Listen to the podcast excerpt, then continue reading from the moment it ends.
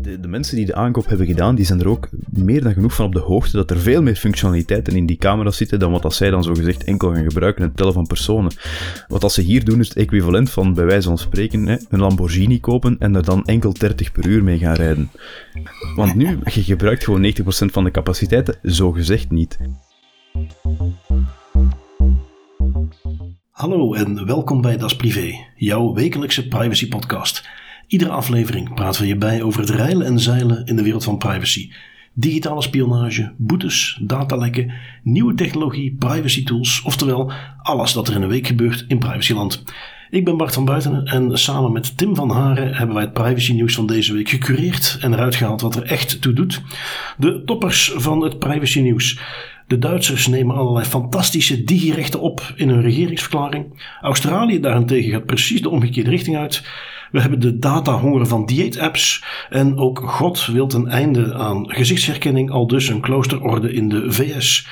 Voordat we daarin vliegen, hebben we echter eerst een klein huishoudelijk stukje. Want we gaan de YubiKey officieel toekennen. Uh, Tim, jij weet het, we hebben natuurlijk onze klein wedstrijdje gedaan, kleine giveaway. Mensen konden ja, reageren. Ja. Um, uiteindelijk, wat ik uh, ja, zeker niet slecht vond, hebben er twaalf mensen gereageerd die uh, wel interesse hadden in die YubiKey. Snap ik. Het is dat het niet helemaal fair is als wij zelf ook gaan meedoen. Maar had ik best gewild. Um, mm-hmm. En ja, goed, hoe wij dat dan verloten? ik zei het al, we gaan geen notaris of gerechtsdeurwaarder inschakelen om de fairness te beoordelen. Maar we gaan het simpel doen. Ik heb ze in een willekeurige volgorde, dus niet van binnenkomst. Ik heb een lijstje gemaakt. Die hebben een nummertje van mij gekregen. En aan jou nu de belangrijke eer, Tim, om tussen 1 en 12 oh. een nummertje te kiezen. En dan gaan we het hier gewoon live doen. Alright, cool, spannend. Um, 1 en 12. Ja, dan ga ik gewoon uh, voor 12 gaan. 12, 12, 12, 12. Even zien, 12. De winnaar is Paul. Paul, jij gaat van mij nog een berichtje krijgen. Um, ik moet toegeven, dat vind ik ook uh, leuk uitkomen. Paul is al lang luisteraar. We hebben ook al regelmatig contact gehad. Die stuurt wel eens wat in. Kijk en uh, ja, goed, dat is dus uh, de winnaar. Um, Alright, gefeliciteerd Paul. Ja, nice. inderdaad. We'll be in touch. Um, nou ja, tussen haakjes dat toch even meegeven. Als er nu iemand luistert en die zegt van... Goh, dat is wel een leuk principe. Wij als organisatie willen ook wel eens doneren... om vervolgens hier aan mee te doen. Wel, laat het zeker weten. Want uh, dit is gewoon leuk om te kunnen doen natuurlijk. Um, dat gezegd zijnde... Wij vliegen erin met het gewone nieuws, Tim. En de eerste die ik heb meegenomen... Uh, sorry, die jij hebt meegenomen uit Omroep Delft... Dat is een lokale omroep uit Nederland uiteraard. Um, die hebben wat inzicht gegeven in iets wat wij al een paar keer voorbij hebben laten komen in onze podcast. De Nederlandse gemeentes die met nep-accounts zich her en der probeerden informatie te vergaren. En ja, je hebt daar wat, wat meer achtergrond rond uh, meegenomen. Ja, klopt. Dat is al een tijdje dat we daar toch uh, ja, elke maand zoiets het over hebben dat er weer een artikel naar boven komt over een Nederlandse gemeente die bezig is met het volgen van burgers op nep-accounts onder het mom van uh, radicalisering op of potentiële rellen in de gaten houden. En dat, is altijd, dat gaat altijd gepaard met een nogal dubieuze sfeer, want ja, ze doen het wel met de beste bedoelingen, denk ik. Maar langs de andere kant kunnen ze niet echt steunen op een bepaalde rechtmatigheid en zijn er nogal cowboypraktijken. Nu, dat is altijd um, een beetje, beetje guesswork en, en proberen te achterhalen op basis van een artikel wat het er daar gaande is binnen die gemeenten. Nu, Omroep Delft en Omroep West, die deden beroep op de wet openbaar het bestuur, of een WOP-verzoekje eigenlijk. En dat is een manier om in, in Nederland een beetje meer inzicht te krijgen in hoe overheden en, en de instanties onder overheden te werk gaan over een bepaald onderwerp. En daarmee krijgen we dus nu wat meer inzicht in het gebruik van die nep-accounts bij gemeente Delft. En uit dat WOP-verzoek, ja, daar kwamen toch een aantal highlights naar boven drijven die ik even wil meenemen. Um, eerst en vooral sinds 2018 delen gemeenten Delft, Zoetermeer en Gouda de diensten van een informatiespecialist, zo wordt die, die titel benoemd. Twee jaar later, sinds, 2000, sinds begin 2020, voert die informatiespecialist dan ook onderzoek uit via openbare bronnen en nepaccounts. En dan is dat vooral gericht op politiek extremisme, religieuze radicalisering en andere vormen van pol polarisatie volgens de gemeente zelf. Waarbij dat ze vooral als het gaat over ja, de onderzoeksmethodiek zelf gebruik maken van iets wat dat zij OSINT noemen, hè, Open Source Intelligence. En dat is een begrip dat is relatief bekend, groeit ook steeds meer aan populariteit nu dat mensen veel meer online zetten. OSINT is in de basis een online sporenonderzoek. Middels sociale media posts en andere publieke bronnen eigenlijk informatie gaan verzamelen over personen om die dan te gaan koppelen met andere informatiebronnen. En dat is waar er toch wel een aantal problemen zijn. En ook vanuit ons perspectief, de kaders waarin die informatiespecialist te werk gaat, die zijn enkel mondeling besproken volgens dat WOP-verzoek. Dus er is verder geen vastgestelde werkwijze, er is geen manier waarop dat allemaal in goede banen wordt geleid of dat dat allemaal uh, gestructureerd wordt. Er is enkel mondeling afgesproken van kijk, dit ga je doen, dit mag je niet doen. Die persoon heeft dus eigenlijk quasi vrij spel, want dat is gewoon een mondeling overeenkomst. Er is geen enkele rechtmatigheid vastgesteld om dat te gaan doen. Er is geen wet waarop ze zich kunnen baseren om mensen online te gaan volgen, zonder dat die personen daarover geïnformeerd zijn of daar verder iets aan afweten. Dus het grootste probleem dat daar in mijn ogen heerst, is het zijn een beetje cowboypraktijken. Ze doen het waarschijnlijk wel met de goede bedoelingen, maar dat mondt uit in, ja, praktijken waar eigenlijk niemand een duidelijk zicht op heeft, waar iemand een transparant zicht op heeft, en dat leidt dan weer al tot risico's. Verder, en dat is eigenlijk het, het, laatste, een beetje een bizar punt, maar ja, de exacte werkwijze en de resultaten die zijn verder niet gedeeld in het WOP-verzoek, ook al ging dat WOP-verzoek specifiek om het delen van de werkwijze en resultaten.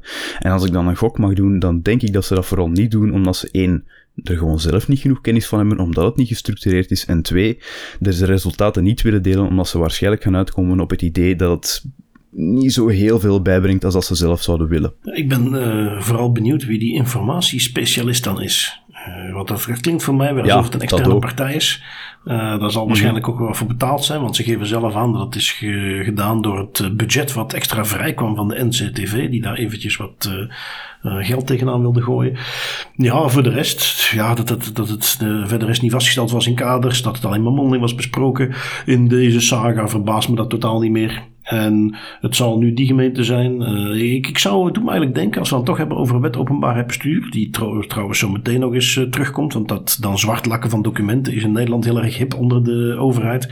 Uh, maar mm -hmm. los daarvan, het lijkt me interessant om zoiets eens uit te gaan sturen ja, binnen de Vlaamse gemeente. En eens gaan aanvragen van, goh, dit soort praktijken, ik wil graag alle informatie ontvangen die te maken hebben met het creëren van nepaccounts en daarmee burgers gaan opvolgen. Want ik, ik, ik denk graag dat het zich in Vlaanderen niet voordoet. Uh, maar tegelijkertijd uh, is het natuurlijk niet ondenkbaar dat dat daar ook interessant is. Dus uh, ja, dat zou nog interessanter zijn om eens te kijken hoe wijdverspreid dit fenomeen precies is. Ja, lijkt mij zeker een leuke. Wel, uh, eens kijken wanneer we daar uh, tijd voor vrij kunnen maken. En uh, uiteraard als iemand die luistert denkt van, oh maar dat lijkt me ook wel iets.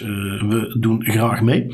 Wat hebben we verder mm. nog wel? Een, een, een, overheid die het precies de andere kant op doet. ik zou zelfs zeggen dat The Germans het goede voorbeeld geven in dit geval. en, en echt het goede voorbeeld moet ik toegeven. Want waar er op heel veel plekken discussie is. we hebben het nog niet, vorige keer nog niet gehad. over de decryptieverplichting die men wilt inbouwen in de dataretentiewetgeving.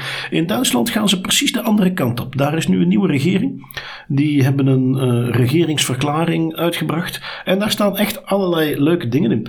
Um, wat staat daar bijvoorbeeld in? Een paar bullet points. Het recht op encryptie, waarbij ze dus duidelijk maken dat dat idee van het allemaal moeten decrypteren, zoals dat hier op tafel ligt, uh, niet door zou gaan. Uh, overheden mogen geen vulnerabilities achterhouden. Als een overheidsentiteit weet dat er een kwetsbaarheid zit in software, mogen ze dat niet zelf gaan gebruiken voor allerlei dingen, maar worden ze verplicht om dat vervolgens ook aan de maker te gaan melden, zodat het gefixt kan worden. Men verwacht dat, of men gaat opleggen dat er regelmatig audits moeten zijn van IT-systemen van overheden. Uh, men wil het recht op anonimiteit en de openbare ruimte en online gaan vastleggen. Uh, overheidsopdrachten moeten ingestoken zijn met zoveel mogelijk open source. En dan vervolgens moet die software daarna ook effectief uh, gepubliceerd worden. Ja, dat is het principe van open source. Maar tussen zeggen we willen met open source tools werken. En als we software laten maken, dan moet dat open source zijn. En dat moet daarna ook gepubliceerd worden. Dat is toch weer een stapje verder. Dus ja, allemaal uh, heel erg netjes. Um, voor onze volgende regering in België, ik bedoel, hoe lang kan dat duren? Uh, nou, copy-paste, graag even meenemen. um, als ik kijk naar Nederland, ja, daar zijn ze nog steeds bezig met de regeringsformatie. men is daar hard op weg om het Belgische record de boeken te schieten. Uh, dus ik zou zeggen, eh, plak dit er ook meteen eventjes in als je dan toch nog bezig bent. Want uh, ja, goed bezig daar in Duitsland. Ja, heel goed bezig. En allee, heel leuk om dit ook nog eens te horen en te zien, want dat geeft toch een beetje hoop. Hè? Want als je op den duur continu bestookt wordt met nieuws uit, uit Nederland en België van regeringen die met gekke wetvoorstellen komen, dan zou je al bijna de moed gaan verliezen dat hier in Europa zoveel beter is dan in andere continenten. Dus ik vind het heel leuk dat een gigant zoals Duitsland toch nog een beetje verstand in het hoofd heeft en zegt van ja, de zaken die wij ook eigenlijk al heel hard, heel continu aanhalen en heel hard roepen. Hè. Um, het regelmatig auditen van overheid IT-systemen, recht op anonimiteit, recht op encryptie, basisrechten uiteindelijk. Heel mooi om te zien dat er hier nog eens, uh, ja, dat dat eigenlijk in de bloemetjes wordt gezet. Ja, zeer zeker. Um, is in ieder geval uh, mooi dat men. Ja, kijk, het is een regeringsverklaring. Hè. We moeten nog zien hoe het vervolgens in de praktijk wordt gezet. We zijn hier ook niet onbekend met een regeringsverklaring waar dan niet bepaald één op één dat ook wordt omgezet in beleid. Maar dat er al in staat, vind ik al niet slecht. Uh, mm-hmm. Het komt ook veel van de input, lijkt ook te komen uit een soort manifesto wat de Chaos Computer Club, uh, CCC, we hebben ook hele leuke conferenties, in Duitsland echt wel bekend um, als een, een, redelijk idealistische club van IT'ers, maar die ook dit soort standpunten aanhouden. Dus ja, dat, dat is eh, gewoon eh, heel erg goed gedaan. Ik kan er niks anders van maken. Um, nog eventjes een uh, tip naar Warren Buffett, die dit bij ons uit Element Community, die dit bij ons daar dropte. Heel leuk om mee te nemen. Gaan we door. Um, universiteit in Leiden. We hebben een uh, ja, universiteit die in de tijden van, zoals nu nog steeds, corona besloot om tellertjes te gaan hangen, camera's. Maar enig onderzoek verder blijkt dat het niet zomaar tellercameraatjes zijn. Ofwel, Tim? Nee, inderdaad. Er is veel meer aan de hand, zoals wel vaker het geval is als het gaat over een officieel statement over camera's. Hè. Misschien om te beginnen de aanleiding van het artikel. Um, er zijn een aantal studenten van de Universiteit Leiden die momenteel plannen om ergens volgende week, dus ergens in 7 december, een protest tegen het gebruik van slimme camera's op de campus uh, uit te voeren. En waarom doen zij dat? Wel, die camera's die hangen daar, die zijn daar gehangen en die zijn eigenlijk oorspronkelijk bedoeld om bezoekers te tellen in het kader van corona, volgens de universiteit zelf. Nu, de universiteit mag het nog wel personentellers gewoon noemen. Wie de fabrikant opzoekt, wat dat echt niet moeilijk is, die komt uit op de slogan Way more than people counting. Ja, en dan ga je way down in the rabbit hole ben het zelf ook eens gaan opzoeken. En het zijn camera's van de Zwitserse fabrikant Xovis. En ja, die kunnen gewoon veel meer dan eigenlijk gewoon personen tellen. Hè. Die camerasensoren die zijn uitgerust met een soort AI die de beelden constant analyseert. Naast tellen kunnen ze ook looproutes, geslacht, lengtes van mensen en zelfs uh, hun humeur gaan detecteren. Ik weet niet of dat, hoe accuraat het is, maar alleszins het zit er wel ingebouwd, die mogelijkheid. Dus dan moet je je even voorstellen, hè, die universiteit die hangt in totaal 371 van die disproportionele Xovis-camera's zonder enige vorm van heldere communicatie of verduidelijking op. En vervolgens spannen studenten aan protestacties en komt er een petitie omdat zij gewoon met twee klikken van de knop en even opzoeken op het internet beseffen dat er veel meer aan de hand is dan wat dat de universiteit eigenlijk zegt. Ja, de universiteit die schiet dan wakker. Die zegt, oh shit, oké, tijd voor heldere communicatie. Stuurt een mooie mail uit met uitleg, maar die mail blijkt dan ook weer bomvol feitelijke fouten te zitten, die er door een universiteitsblad worden uitgehaald met een factcheck. De huiswijs compleet, en hier zijn we al voor mij, dat is een totale faal. En hier zijn we dus beland. Die studenten die hebben er terecht genoeg van. Ik bedoel, dat zijn 371 camera's over alle campussen van Universiteit Leiden. Dat is belachelijk veel voor het gewone tellen van personen. Die camera's kunnen nog eens veel meer dan enkel het tellen van personen, zijn er ook mee uitgerust.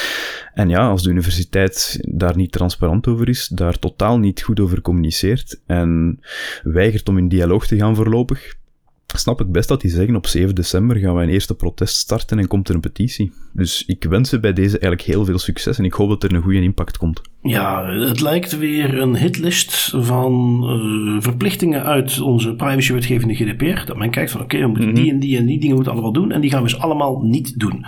Dat is zo drastisch lijkt het verkeerd te zijn gegaan. Je hebt niet goed geïnformeerd. Uh, dit lijkt me natuurlijk zeker iets waar zo'n verplichte analyse, die data protection impact assessment die in de wetgeving staat, die had hier ook uitgevoerd moeten worden. Dan was er meteen naar buiten gekomen dat dit misschien niet zo'n goed idee was. En als ik dan het aantal even zie, 371 Ze zeggen dan van ja, dat is voor alle ingangen uh, op de campus van de school.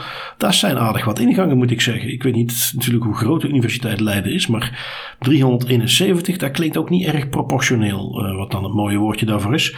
Um, en, en, en ja, ja, wat moeten we nog beginnen? Hè? Je zegt we gaan mensen tellen voor zover het überhaupt al nuttig is, maar als men dat dan doet um, en dan camera's gaan kopen met de functionaliteiten zoals jij ze net beschreef dat, dat, doet niemand. Hè? Want ook die uh, kosten van zo'n camera, die gaan natuurlijk aanzienlijk omhoog als hij dat soort functionaliteiten biedt. En als je echt alleen maar wilt tellen, want dat is één ding waar je wat dat betreft de meeste organisaties op kunt vertrouwen. Als het om het geld gaat, letten ze wel op. Dus als het oprechte doel alleen maar was het tellen, dan pak je de camera's die dat kunnen en die dus ook het goedkoopste zijn. En dat is hier duidelijk niet gebeurd. Dus ja, uh, ik denk niet eens function creep, want ik kan me alleen maar bedenken dat dit van tevoren al de bedoeling was. Um, waarom, dat hebben we dan nog even het gissen naar, want ja, wat, wat, wat wil je ermee bereiken? Um, maar nee. Ja, en daar zijn ze ook niet transparant over. Hè. En om het misschien met een metafoor te zeggen, hè, dat even de idee van inderdaad, die camera's zijn aangekocht, dat kost bakken met geld de, de mensen die de aankoop hebben gedaan, die zijn er ook meer dan genoeg van op de hoogte dat er veel meer functionaliteiten in die camera's zitten dan wat als zij dan zogezegd enkel gaan gebruiken, het tellen van personen. Wat als ze hier doen is het equivalent van, bij wijze van spreken, hè, een Lamborghini kopen en er dan enkel 30 per uur mee gaan rijden. Want nu, je gebruikt gewoon 90% van de capaciteiten, zogezegd niet. Nou, maar misschien dat dat het hier was. Want natuurlijk koop je zo'n Lamborghini alleen maar vanwege hoe die eruit ziet. Hè. Dat heeft niks met die snelheid te maken. En dat was met die camera's hier misschien ook. Ze zagen er gewoon beter uit. Ja.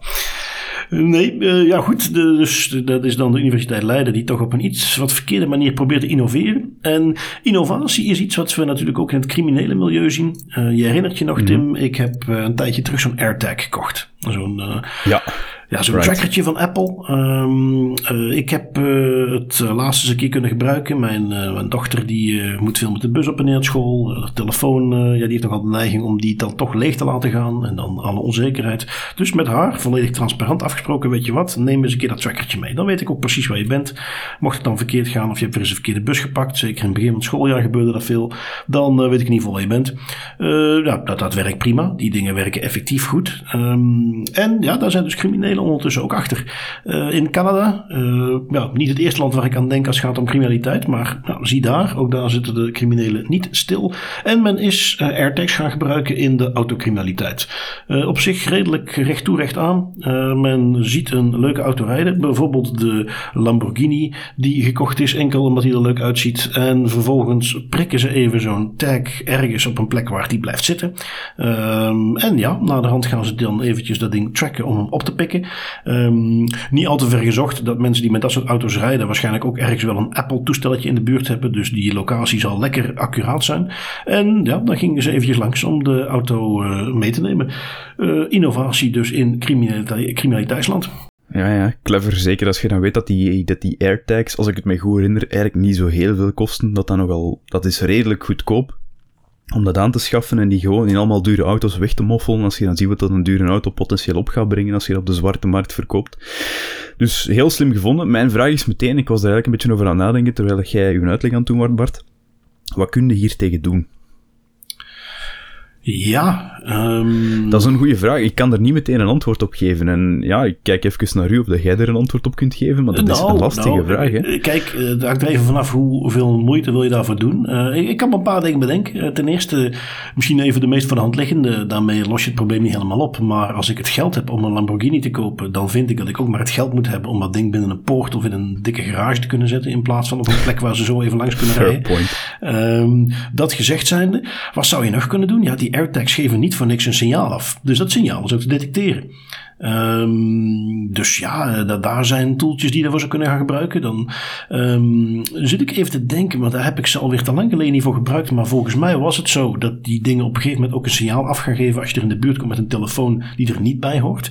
Um, heb je zin om voor je vertrek met je Lamborghini uh, dat ding als het ware als een volleerde beveiligingsbeambte te gaan swipen met je eigen telefoon om te kijken of die ergens een signaaltje gaat geven van er zit hier een tracker in? Ja, dat is een tweede. Um, dus ja, nee. Nu goed, aan de andere kant. Uh, nu zijn het weliswaar de AirTags die het vrij makkelijk hebben gemaakt. Maar de technologie is niet nieuw natuurlijk. Die technologie bestond al. Um, dan gaan maar eens een Hollywood film zoeken om uh, te achterhalen hoe ze die auto's vinden. Dat gebeurt wel vaker. Dus uh, ja, het, het, bestond al. En, en AirTags, dat moet je dan wel zeggen, hebben het nog ietsje makkelijker gemaakt. Dus is er echt een, een, een makkelijke oplossing? Ik weet het niet. Um, nee, ik, ik, denk het niet eigenlijk. Nee, ik ook niet. Dat het uh, des te frustrerender maakt. Hè. Zeker met het feit dat het dan ook nog eens zo toegankelijk is om gewoon een AirTag te gaan kopen. Dat is ook helemaal niet verdacht. Hè. Gewoon de winkel binnenstappen. Hallo, voor mij een doos met AirTags alsjeblieft. Ja, bon, dat, dat, dat is echt niks. Hè. Nee, nee, inderdaad. Dus ja, dat is een plekje waar uh, we toch ieder geval rekening moeten houden dat, dat, dat, ja, dat het weer iets makkelijker is gemaakt.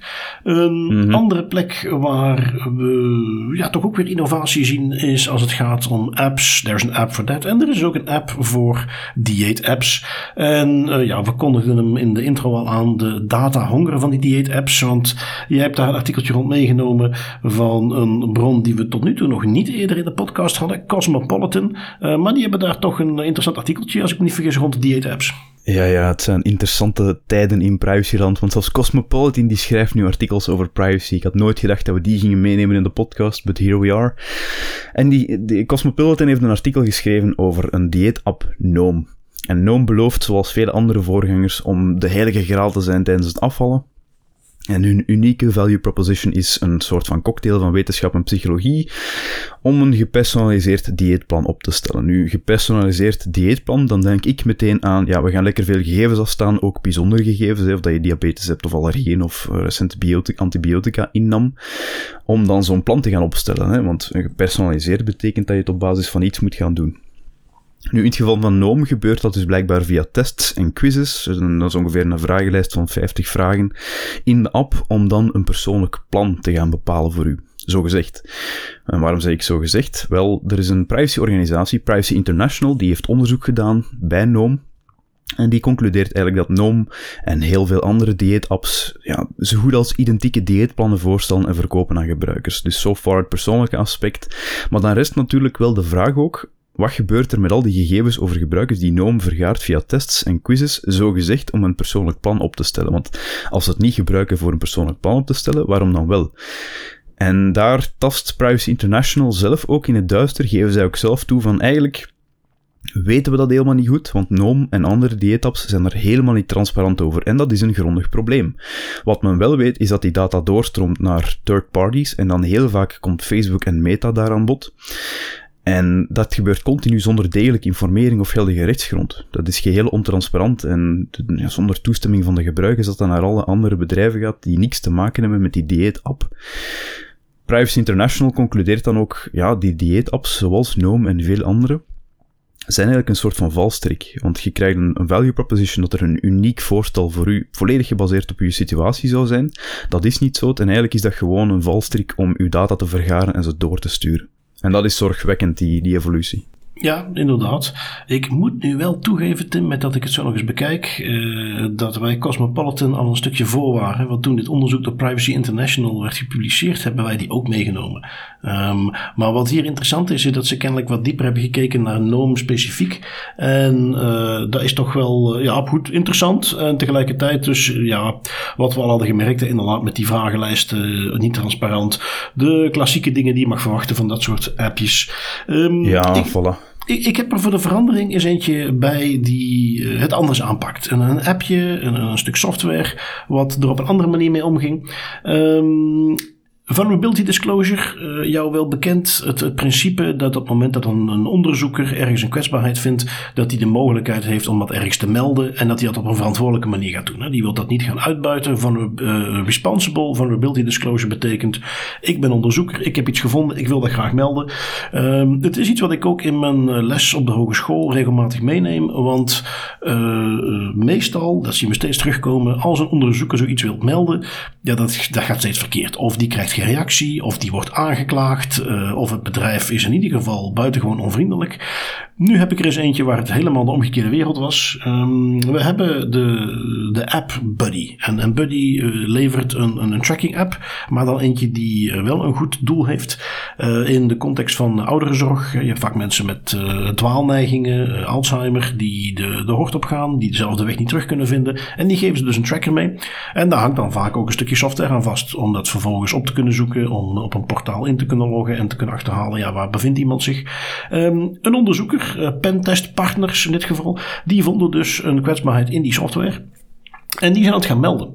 Uh, ja, ze verwachten al zo'n beetje wat ze klassiek te horen krijgen als ze zoiets melden. Dus ze waren even benieuwd. Uh, het, speelt zich af uh, 28 september van dit jaar. ergens rond 4 uur versturen ze een mailtje. Rond een uur of half zeven krijgen ze bericht van... Wauw, bedankt om het te melden en kunnen jullie ons meer info geven? Die info die hebben ze dan de volgende dag gestuurd. En om 10 uur sturen ze die informatie, s ochtends. En om 12 uur hebben ze de CTO aan de lijn om te laten weten dat de kwetsbaarheid verholpen is. Uh, met andere woorden, tussen dat de volledige details binnenkwamen en dat het verholpen was, hebben we het dus over net geen anderhalf uur. Uh, nou, dat vonden ze zelf uh, fantastisch. zij gaven aan van ja, trouwens, we hebben volgens mij nog een issue, want wij hadden dus iets gevonden waarbij we toegang konden krijgen tot de locatiegegevens. Maar we hebben ook de indruk dat wij met nog een andere kwetsbaarheid ook de accounts over kunnen nemen. Op die manier dingen kunnen wijzigen. oorspronkelijk gaven ze, gaf Buddy zelf aan, want we geloven niet dat dat zo kan, maar geen probleem. alsjeblieft, hier is een test omgeving, daar mogen jullie helemaal los op gaan. Uh, ook iets wat ongehoord is in dit soort contexten. En, en dus Pentest Partners heeft dat ook gepubliceerd in een blogpost, die wij dan in de, in de show notes ook zeker zullen linken, waarin ze aangeven van nou, dit is uh, vulnerability disclosure uh, zoals het eigenlijk had moet, altijd moet, een masterclass. dus ja, een heel interessante casus en eens een keer de goede manier om het te doen. Ja, ja, inderdaad. En dat doet mij ook meteen nadenken.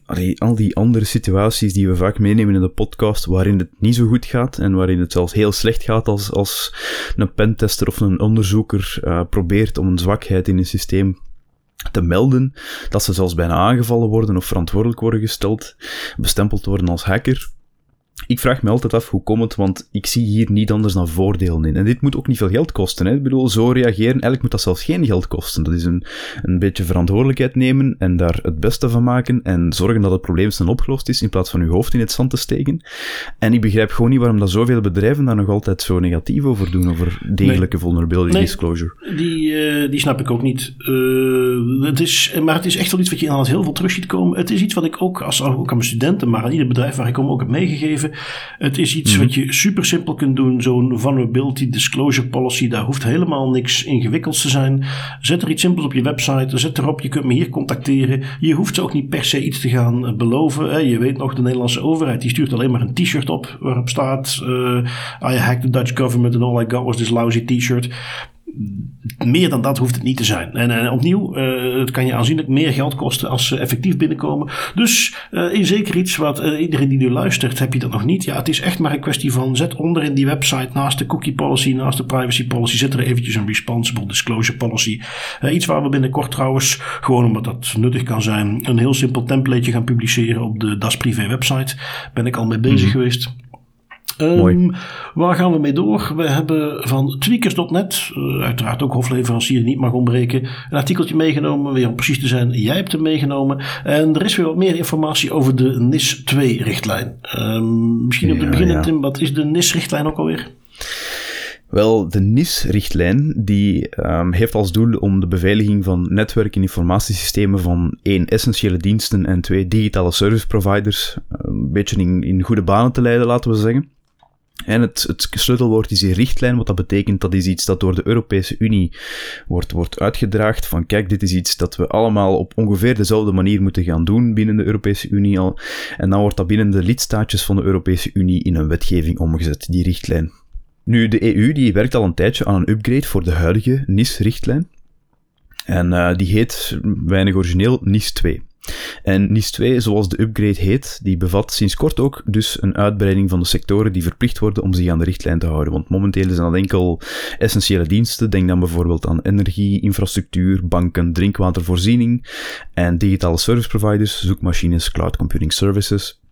Daar komen dus nu een heleboel andere sectoren die daaronder zullen vallen. Bijvoorbeeld de voedselproductie, post- en courierdiensten en bouwers van medische apparatuur, om er een paar te noemen. Het is nog een, een hele lange lijst. En ik vind dat altijd heel mooi dat men die meeneemt, want allee, als, ik moet altijd denken, als ik zoiets zie, dan denk ik altijd, ja, die mensen die de beslissingen hierover maken, die hebben ook gewoon eens gekeken naar de slachtoffers van de ransomware aanvallen van 2021 en 2020. Eh, gigantische, een groot vleesbedrijf, post- en courierdiensten, bouwers van medische apparatuur, zaten er allemaal tussen. eigenlijk ook diensten die, meer, eh, die essentiëler en essentiëler worden voor uw maatschappij goed te laten draaien, die ook wel best kwetsbaar kunnen zijn. Dus die onder zo'n richtlijn laten vallen, ik vind dat een heel positieve zet. Het moet natuurlijk nu wel goedgekeurd worden door verschillende Europese instanties, maar als dat gebeurt, dan hebben we met NIS 2 toch wel weer een stevige upgrade.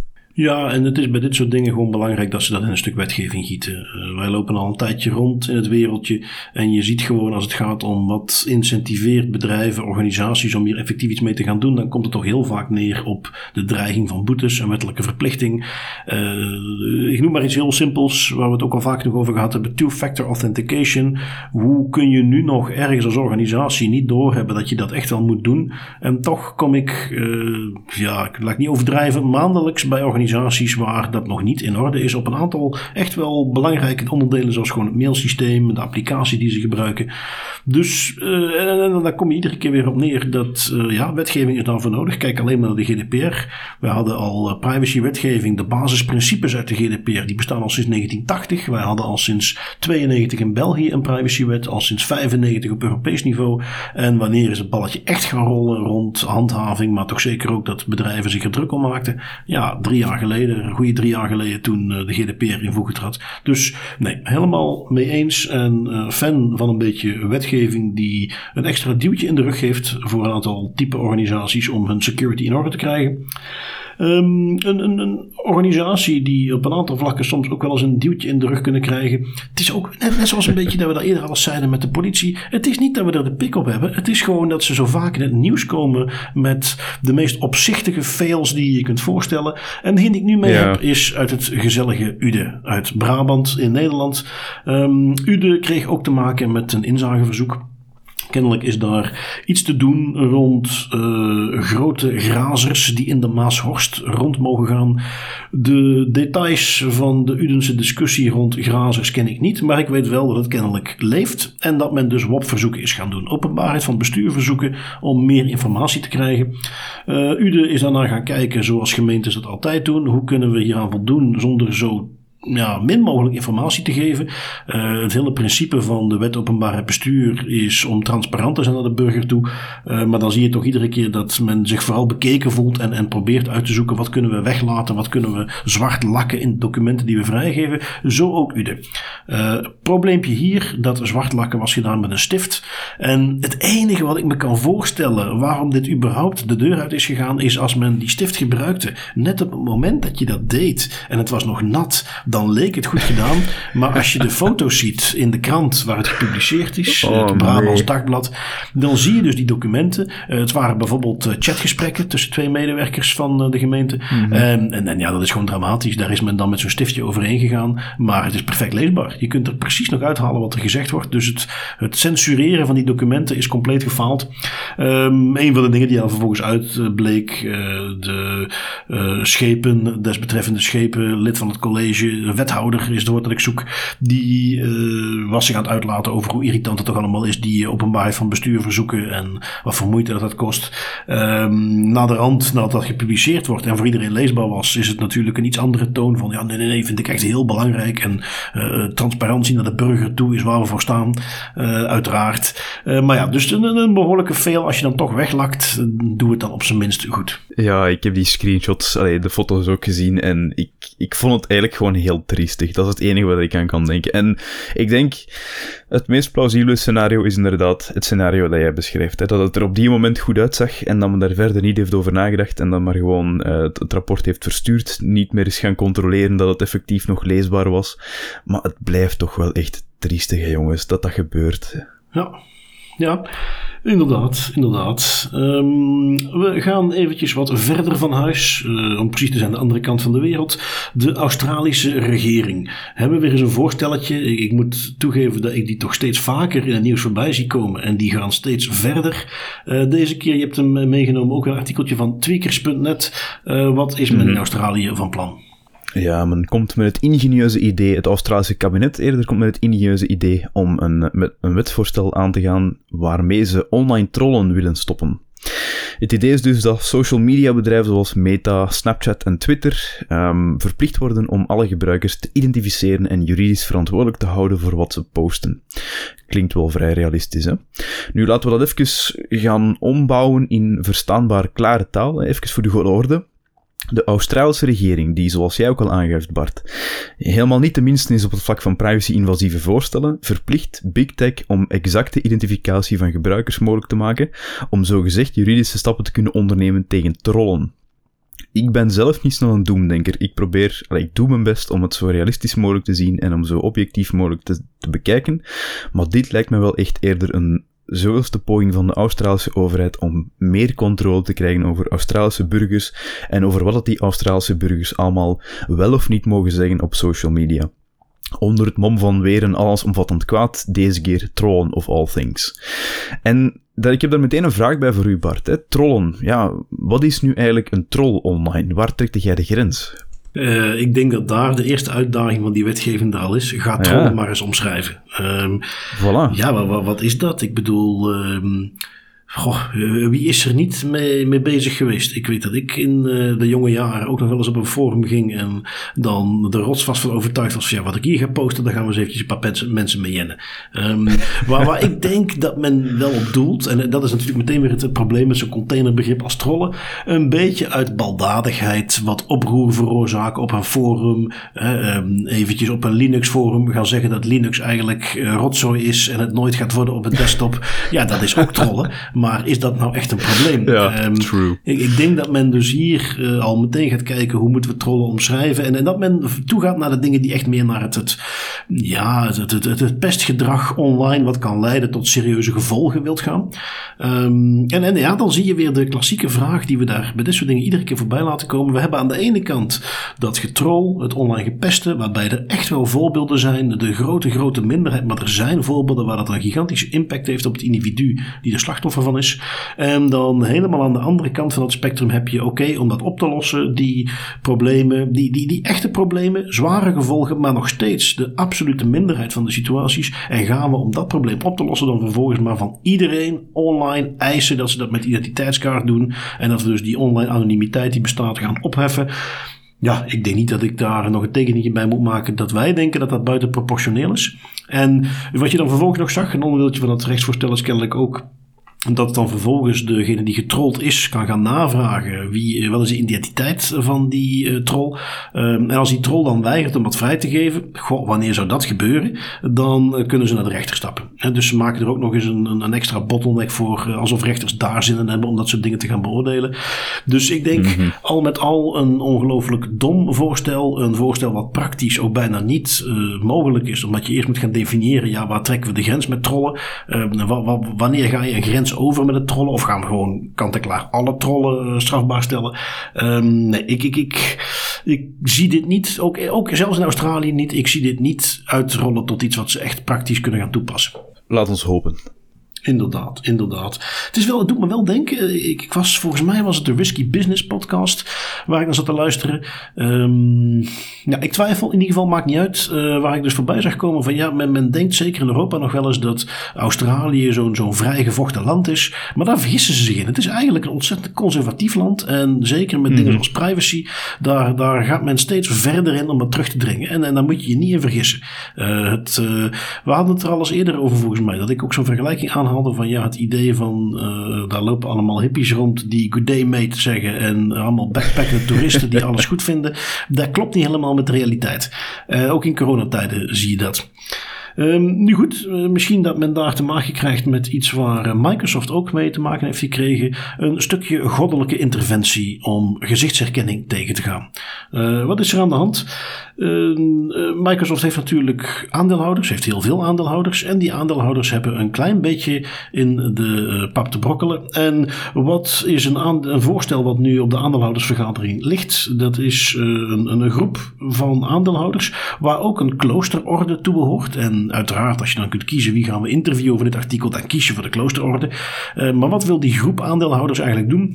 Die willen Microsoft ter verantwoording roepen. Die willen Microsoft verplichten om voortaan een, een lijstje te publiceren. Waarbij ze aan de ene kant de dingen die ze publiek beloven moeten zeggen. Zoals hun standpunt rond gezichtsherkenning. En dan tegelijkertijd dat moeten matchen met de acties die ze het afgelopen jaar hebben genomen. Want wat geeft deze groep aandeelhouders aan? Wij zien ook alle publicaties van Microsoft waarin ze zeggen dat ze tegen gezichtsherkenning zijn. Maar tegelijkertijd zien wij ontwikkelingen in uh, Microsoft. Dan zien we bijvoorbeeld het geld wat ze uitgeven aan lobbying, waar men wetgeving wil gaan beïnvloeden, die daar eigenlijk wat tegenin gaat. En die zeker niet betekent dat er een verbod op moet komen. Uh, zo bleek uit het artikeltje, dat was er van protocol.com, waar ik het uiteindelijk vandaan had. Um, ik was er eerst opgekomen via een, een post op uh, Data News. Um, maar wat heeft men bijvoorbeeld achterhaald? Dat is dat Microsoft tegenwoordig, als het gaat om miljoenen die geïnvesteerd worden in lobbying, waar we het vorige week ook al over hadden in de podcast, dat ze daar sinds kort nummer 1 zijn. Dat ze zelfs Google voorbijgestreefd hebben als het gaat in uitgaven puur rond lobbying om wetgeving te beïnvloeden. En ja, dan, dan vind ik het idee dat ze Microsoft gaan verplichten om daar wat transparanter over te zijn uh, heel interessant. Mm. Ja, Alleen uh, een beetje ludiek dat dan net van een kloosterorde moet komen, hè, dat idee. Dat vind ik altijd wel een geweldige om te zien. Ja, ze lieten niet na om dan eventjes een van de nonnen te interviewen om eens te vragen wat hij dan mm -hmm. precies van de tech-insteek van Microsoft vinden. En ja, kennelijk had uh, de zuster daar ook een paar uh, interessante dingen over te zeggen. Dus wat dat had betreft... ik niet verwacht dat het uit de religieuze hoek ging komen. Nee, nee, inderdaad. Um, wat hebben we nog bij? Een artikeltje van security.nl. Kan natuurlijk ook niet ontbreken in de betere Das Privé aflevering.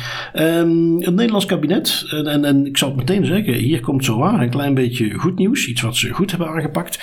Wij zagen recent in België ook al berichten van ja, we gaan een, een soort digitale uh, ja, verzamelplek voor al je informatie van overheden. Je identiteitskaart. Je, dat, dat wordt allemaal digitaal. Een digital wallet waar het allemaal mooi samen zit. Dat blijkt uh, gesteund te zijn door een Europees initiatief, uh, of ik moet eigenlijk eerder zeggen opgelegd, uh, waar men dat Europees wilt gaan vastleggen. Dat er een, speciale wallet-app komt voor smartphones. daarmee kunnen burgers zich gaan identificeren, elektronische documenten delen. En dat is dus een groot platform wat dan verplicht via een Europese standaard moet gebruikt worden. Um, waarbij, uiteraard, zegt men op dit moment, uiteraard is het gebruik daarvan volledig vrijwillig. Um, ja, die kennen we, die kennen we, die hebben we nog gehoord. Maar, maar, goed, het stukje wat men dan in Nederland wilt gaan doen, wat ik interessant vond om ook nog eens mee te nemen, is dat men daar zegt van ja, we zien dat men zich dan focust op, op het publiceren van die apps in de App Store van Apple of de Play Store van Google. Maar wij vinden dat op zijn minst dit soort oplossingen ook toegankelijk moeten zijn voor mensen die geen toegang hebben tot, uh, of, of geen toegang willen tot die stores en niet afhankelijk willen zijn van de big tech. En dus willen we dat we op zijn minst naar oplossingen gaan kijken die qua gebruiksgemak uh, ook gewoon werken en die als het even kan ook open standaarden en open software in zich hebben. Um, dus ja, los van het uh, draconische idee van die digitale wallet uh, is in ieder geval de insteek die ze dan in Nederland ervoor kiezen bewonderenswaardig leuk. En leuk om te zien dat open source en open standaarden die nog eens worden aangehaald. Hè. Misschien nog even nog voor de duidelijkheid voor de luisteraars. Open source en open standaard is geen end-all be-all oplossing voor alle security problemen en gegevensbeschermingsproblemen. Maar het grote voordeel dat dat wel heeft, is dat dat heel veel vragen wegneemt. Want iedereen kan daar gewoon eens gaan inkijken in de, de bouwstenen van een, van een applicatie of van software kan gaan kijken hoe dat die data stroomt, naar waar dat die data stroomt en wat het er allemaal mee gebeurt, ook achter de schermen. En dat is altijd het grote voordeel, want één, stelt er dan ergens een, een, eh, een vulnerability is, een zwakheid in het systeem, duizend ogen gaan dat veel sneller vinden dan de vijf developers die er aan werken langs de kant van de overheid. En twee, vanuit een privacy-perspectief is het ook altijd mooier om gewoon zelf eens te kunnen analyseren waar dat die gegevens allemaal naartoe stromen en wat dat ermee gebeurt. Ja, ja, absoluut. Uh, doet me ook denken, dat is iets wat ik heel erg waardeer in onze Element community. Uh, daar zien we ook veel discussies terugkomen over de, de software die gebruikt moet worden. En daar zie je toch heel duidelijk dat we een, een grote aanhang hebben van het open source principe. Uh, van zoveel yes. mogelijk open source software te gebruiken. Um, ook veel Linux gebruikers, iets wat ik ja, heel erg leuk vind om te zien. Um, we gaan even door met het hoofdstukje. Oh nee, sorry, we hebben nog één puntje wat ik mee wilde nemen. Uh, redelijk kort. Ik heb hem ook maar uh, net gezien, nog voordat we de podcast starten. Dus ik heb het ook niet uitgebreid gelezen. Maar opvallend genoeg om toch even mee te nemen. Polen gaat een nieuw soort register opstellen. En dit register, en, en je moet dat even in de context zien van recente discussies in Polen rond anti-abortiewetgeving. Men ja, heeft daar op dit moment toch een hele conservatieve stroming die aan de macht is. En die allerlei dingen aan het terugdraaien is of een wetgeving invoert die toch ja, een beetje gestoeld lijkt te zijn op wat katholieke origines.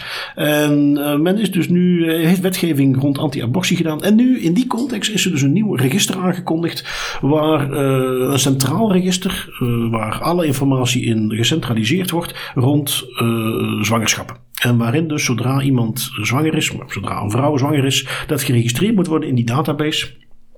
Wat daar dan niet letterlijk in staat, maar dat is natuurlijk dat men een link wilt gaan leggen tussen alle zwangerschappen alle miskramen die ook verplicht moeten worden gerapporteerd. En ja, dan komt daar een getal uit waarbij je zegt van oké, dat zijn hoeveel uh, geboortes er moeten zijn. En als dat niet zo is, dan kan men dus gaan vermoeden dat er abortussen zijn gepleegd en kan men dan naar op jacht gaan. Dat is niet wat er, hè, dat laatste stukje op zoek gaan naar degene die abortus hebben gepleegd, wat er in het wetsvoorstel zelf staat, maar wel wat heel veel uh, mensenrechtenorganisaties in de Polen zelf aangeven van ja, dat, dat is wat hiermee bedoeld wordt. Uh, zeker gelet op dus die anti-abortiewetgeving. Um, ja, dat lijkt mij eigenlijk behoorlijk waanzinnig, dat idee. Waanzinnig, zorgwekkend. En nog eens een gezonde reminder dat, dat het, um, als er vragen worden gesteld vanuit privacyland, vanuit privacy-experts, soms worden die bestempeld als paranoïde of, of onnodig Kijk, Polen is ook deel van de Europese Unie. Dat ligt ook niet zo heel ver weg van Nederland en België. En wat jij ook al aangaf, Bart, men doet daar nu op momenteel een paar stappen terug, politiek, cultureel en op andere vlakken, ook op vlak van privacy.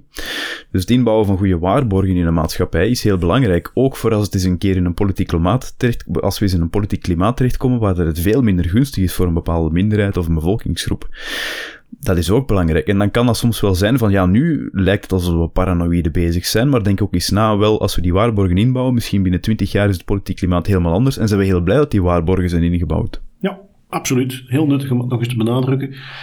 Um, als het dan toch verkeerd gaat, dan uh, hebben we hopelijk, als het goed is, autoriteiten die met harde hand organisaties tot de orde roepen. You will. Die harde hand valt nog redelijk mee, moet ik zeggen. Maar zo af en toe slaan ze wel eens toe. En dat betekent dat wij toe zijn aan het hoofdstukje van de autoriteiten. Ik heb de ICO meegenomen, de Information Commissioners Office, uh, uit Engeland uiteraard. Officieel geen Europese autoriteit meer, maar toch interessant genoeg om nog op te volgen. Uh, zij hebben een boete van 590.000 euro uh, uitgedeeld aan een overheid. Want ja, daar kan men overheden wel beboeten, in tegenstelling tot in België. En waar gaat het over? Een, een CSV-lijst. Een, een, een, relatief simpel lijstje wat verkeerd gepubliceerd is. Um, het ging zelfs om persoonsgegevens die maar 2 uur en 21 minuten online beschikbaar waren. Die desalniettemin in die tijd 3872 keer geraadpleegd zijn. Oké, Dit soort uh, getalletjes, hè, ze hebben daar danig onderzoek naar gedaan. Ja, die geven dan aan waarom het dus wel degelijk een probleem is. Um, extra mm meetellend, en ja, dan weet je dat je het echt verkeerd hebt gedaan. Daar stonden bijvoorbeeld ook de adresgegevens van Elton John in. Want uh, Britse trots. Uh, waar ging het over? Het was een evenement, de New Year's Honors, waarbij men vanuit de overheid allerlei prijzen uitreikt aan Britten die liefdadigheidswerk hebben gedaan. Nou, daar staat Elton John al een tijdje onbekend. er stonden nog allerlei andere mensen in uh, van winstgegevens toch nog net iets gevoeliger zijn dan uh, van anderen. Um, ja, al met al, want uh, zoals het wel vaak gaat met dit soort dingen, dit was iets wat oorspronkelijk eind 2019 plaatsvond. En dus nu 590.000 euro boete vanuit de Britse autoriteit. Ja, wel een hele coole om ook nog eens ja, te vermelden. 2 uur en 21 minuten en toch al bijna 4000 keer geraadpleegd. Soms is dat moeilijk om dat te omvatten. Hè. Een datalek van 2 of 3 uur. Goh, wat is dat nu? Allee, wie heeft er nu tijd gehad om dat te bekijken? Dit geeft nog eens heel goed mee dat zelfs een datalek van nog geen drie uur uh, ja, toch wel grote gevolgen kan hebben. Hè? Ja, en het hangt van de context af. Dat hebben ze hier ook meegenomen. Kijk, als de uh, petankclub van Welgerzande twee uur lang een lijst met adressen online heeft staan, dan denk ik niet ja, dat het zo'n probleem is. Maar uh, hier is het natuurlijk een heel andere context. Uh, en goed, een, stevige boete. Um, het kan veel steviger, uh, zoals we zien vanuit Zweden. Daar heeft het Hof van Beroep een, Google, een boete die al op Google was opgelegd, toch bevestigd. Een stevige boete van 5 miljoen. Waarom vond ik hem extra interessant? iets wat ik ook niet wist overigens. Um, Je hebt dat right to be forgotten, het recht om vergeten te worden. Jij kunt via Google als, eh, want er is een heel groot verschil tussen dat een bepaalde website, bijvoorbeeld een krant, in een artikel jouw naam vernoemt en dat is op de website van de krant beschikbaar. En dat iemand vervolgens op Google gaat zoeken, jouw naam intikt en dan meteen als eerste hit naar dat krantartikel wordt geleid. Daar is een heel groot verschil. En waar die krant zich kan beroepen op persvrijheid en, en een bepaalde historische waarde, is dat voor Google veel minder makkelijk. Dus we hebben dat recht om vergeten te worden. Wij kunnen bij Google zo'n aanvraag indienen. Wat blijkt nu? Als jij zo'n aanvraag indient en jij uh, voert dat recht uit, dan gaat Google vervolgens de beheerder van die website daar ook van op de hoogte brengen. Gaat daar uh, specifiek een, bericht heen sturen. Um, de Zweedse autoriteiten hebben dat bekeken, hebben besloten dat de, de basis waarop Google dit doet uh, niet gevonden kan worden in de GDPR. Um, dat ze daar dus een boete voor moeten meegeven. de boete is in beroep dan wel ietsjes lager geworden, want een verzachtende omstandigheid was het feit dat als dat verzoek om verwijderd te worden binnenkomt, Google daar heel spoedig mee omgaat en uh, mm -hmm. dat snel doet. En goed, de boete werd dus ietsje lager, maar nog steeds 5 miljoen euro die Google mag aftikken. Ja, mooi. Heel interessante. Even zien, wat hebben we nog? Uh, want ze waren toch redelijk actief. Uh, ja, eentje door jou, Tim. Uh, Litouwen. De Litouwse autoriteit slaat ook toe. Niet eentje die we iedere week horen. Ja, die laat ook nog iets van zich horen. Hè. Um, een Litouws autoverhuurbedrijf, CityB, die krijgt een boete van 110.000 euro omdat het bedrijf onvoldoende maatregelen nam om de gegevens van gebruikers te beschermen. Nu, om dat even kort te schetsen hoe dat die situatie eraan toe ging. Onder andere werd er geen, was er geen werknemer met kennis van beveiliging of risicobeheer aanwezig binnen de organisatie of ook extern. Uh, er werd geen logging, logging toegepast op de toegang tot de databank. Die databank werd dan ook nog eens onversleuteld gewoon opgeslagen, open en bloot. En wachtwoorden waren geëncrypteerd met een algoritme dat blijkbaar al zo oud als het straat is en als onveilig werd beschouwd. Dat heeft ook gevolgen gehad, want uh, alle beschikbare gegevens van CityB, alleen van een dikke 110.000 CityB-gebruikers, ja, die waren gewoon plotseling verschenen op een hackingforum. Uh, weinig verrassend, denk ik, als we gaan kijken wat dat er eigenlijk allemaal niet geïmplementeerd was van maatregelen. En dat is dus ook weer een van de redenen waarom dat privacy professionals vaak wel lastige vragen durven stellen. Die toepassing CityB kan misschien een leuke dienst leveren, die toepassing is misschien nuttig en leuk, maar het bedrijf erachter kan hopeloos incompetent omgaan met uw gegevens. En om dat tegen te gaan, is het soms ook noodzakelijk dat er lastige vragen gesteld worden, om die, een 1 op de 10 er is uit te pakken die echt niet goed omgaat met die gegevens en die gewoon, ja, heel nalatig is. Ja, en dit zijn de klassiekers weer. Uh, iets wat we steeds terug zien komen op het moment. Uh, ben jij een organisatie die inderdaad van 10, 100.000 mensen gegevens uh, verwerkt, die opslaat, dan ben je het gewoon verplicht om iemand aan te stellen die daar iets van af weet. Of je dat nu extern doet of mm -hmm. intern, maar zorg dat je iemand in huis hebt die de basisprincipes van beveiliging en privacy kent. Um, als je dan zo'n database hebt en daar zitten die gegevens in, zorg dat je een logging hebt, zodat je kunt achterhalen wie heeft wanneer, van wie, welke gegevens geraapt Ook echt basic.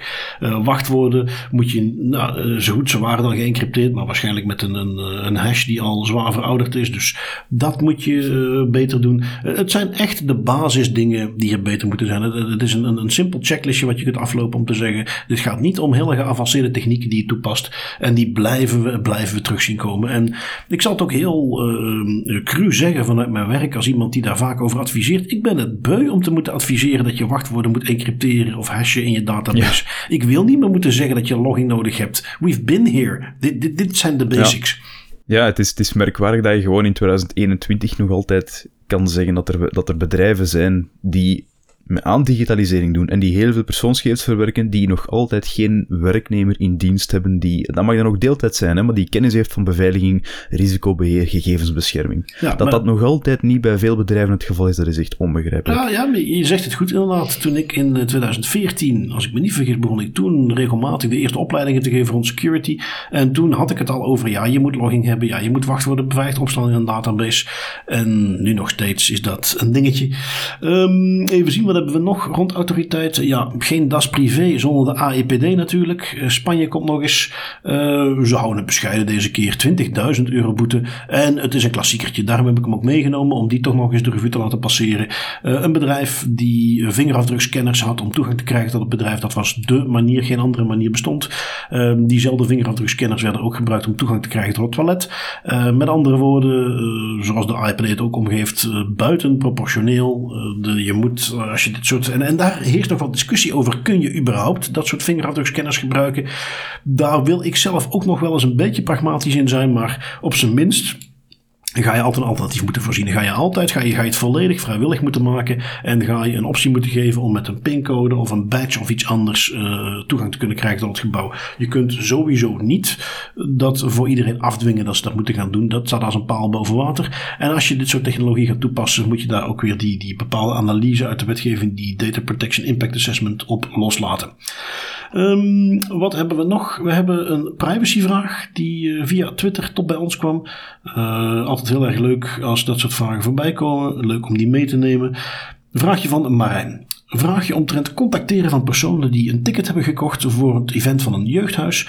Mag je die personen vervolgens contacteren voor een bevraging via het opgegeven e-mailadres? Hetgene waar ze wel van hebben aangegeven dat ze gecontacteerd willen worden voor andere events. Maar ja, dat is toch iets anders dan een bevraging. Dat is zijn vraag. Um, een klassieker. Um, weer enige uh, ja, nuance op zijn plek. Het is wat grijs gebied. Er, zijn interpretaties vatbaar. Um, wat ga je klassiek zeggen? Heb jij iets gedaan met een organisatie? Heb je toestemming gegeven voor een bepaalde verwerking van jouw gegevens? Dan moeten ze zich daaraan houden. En voor dat doeleinde moeten ze die gebruiken. En daar heb je toestemming voor gegeven. Dan kan een organisatie eventueel nog aangeven van ja, maar wij hebben nog een, een ander belang wat hier speelt. We vinden het belangrijk dat we mensen kunnen bevragen. En dan moet je de afweging gaan maken.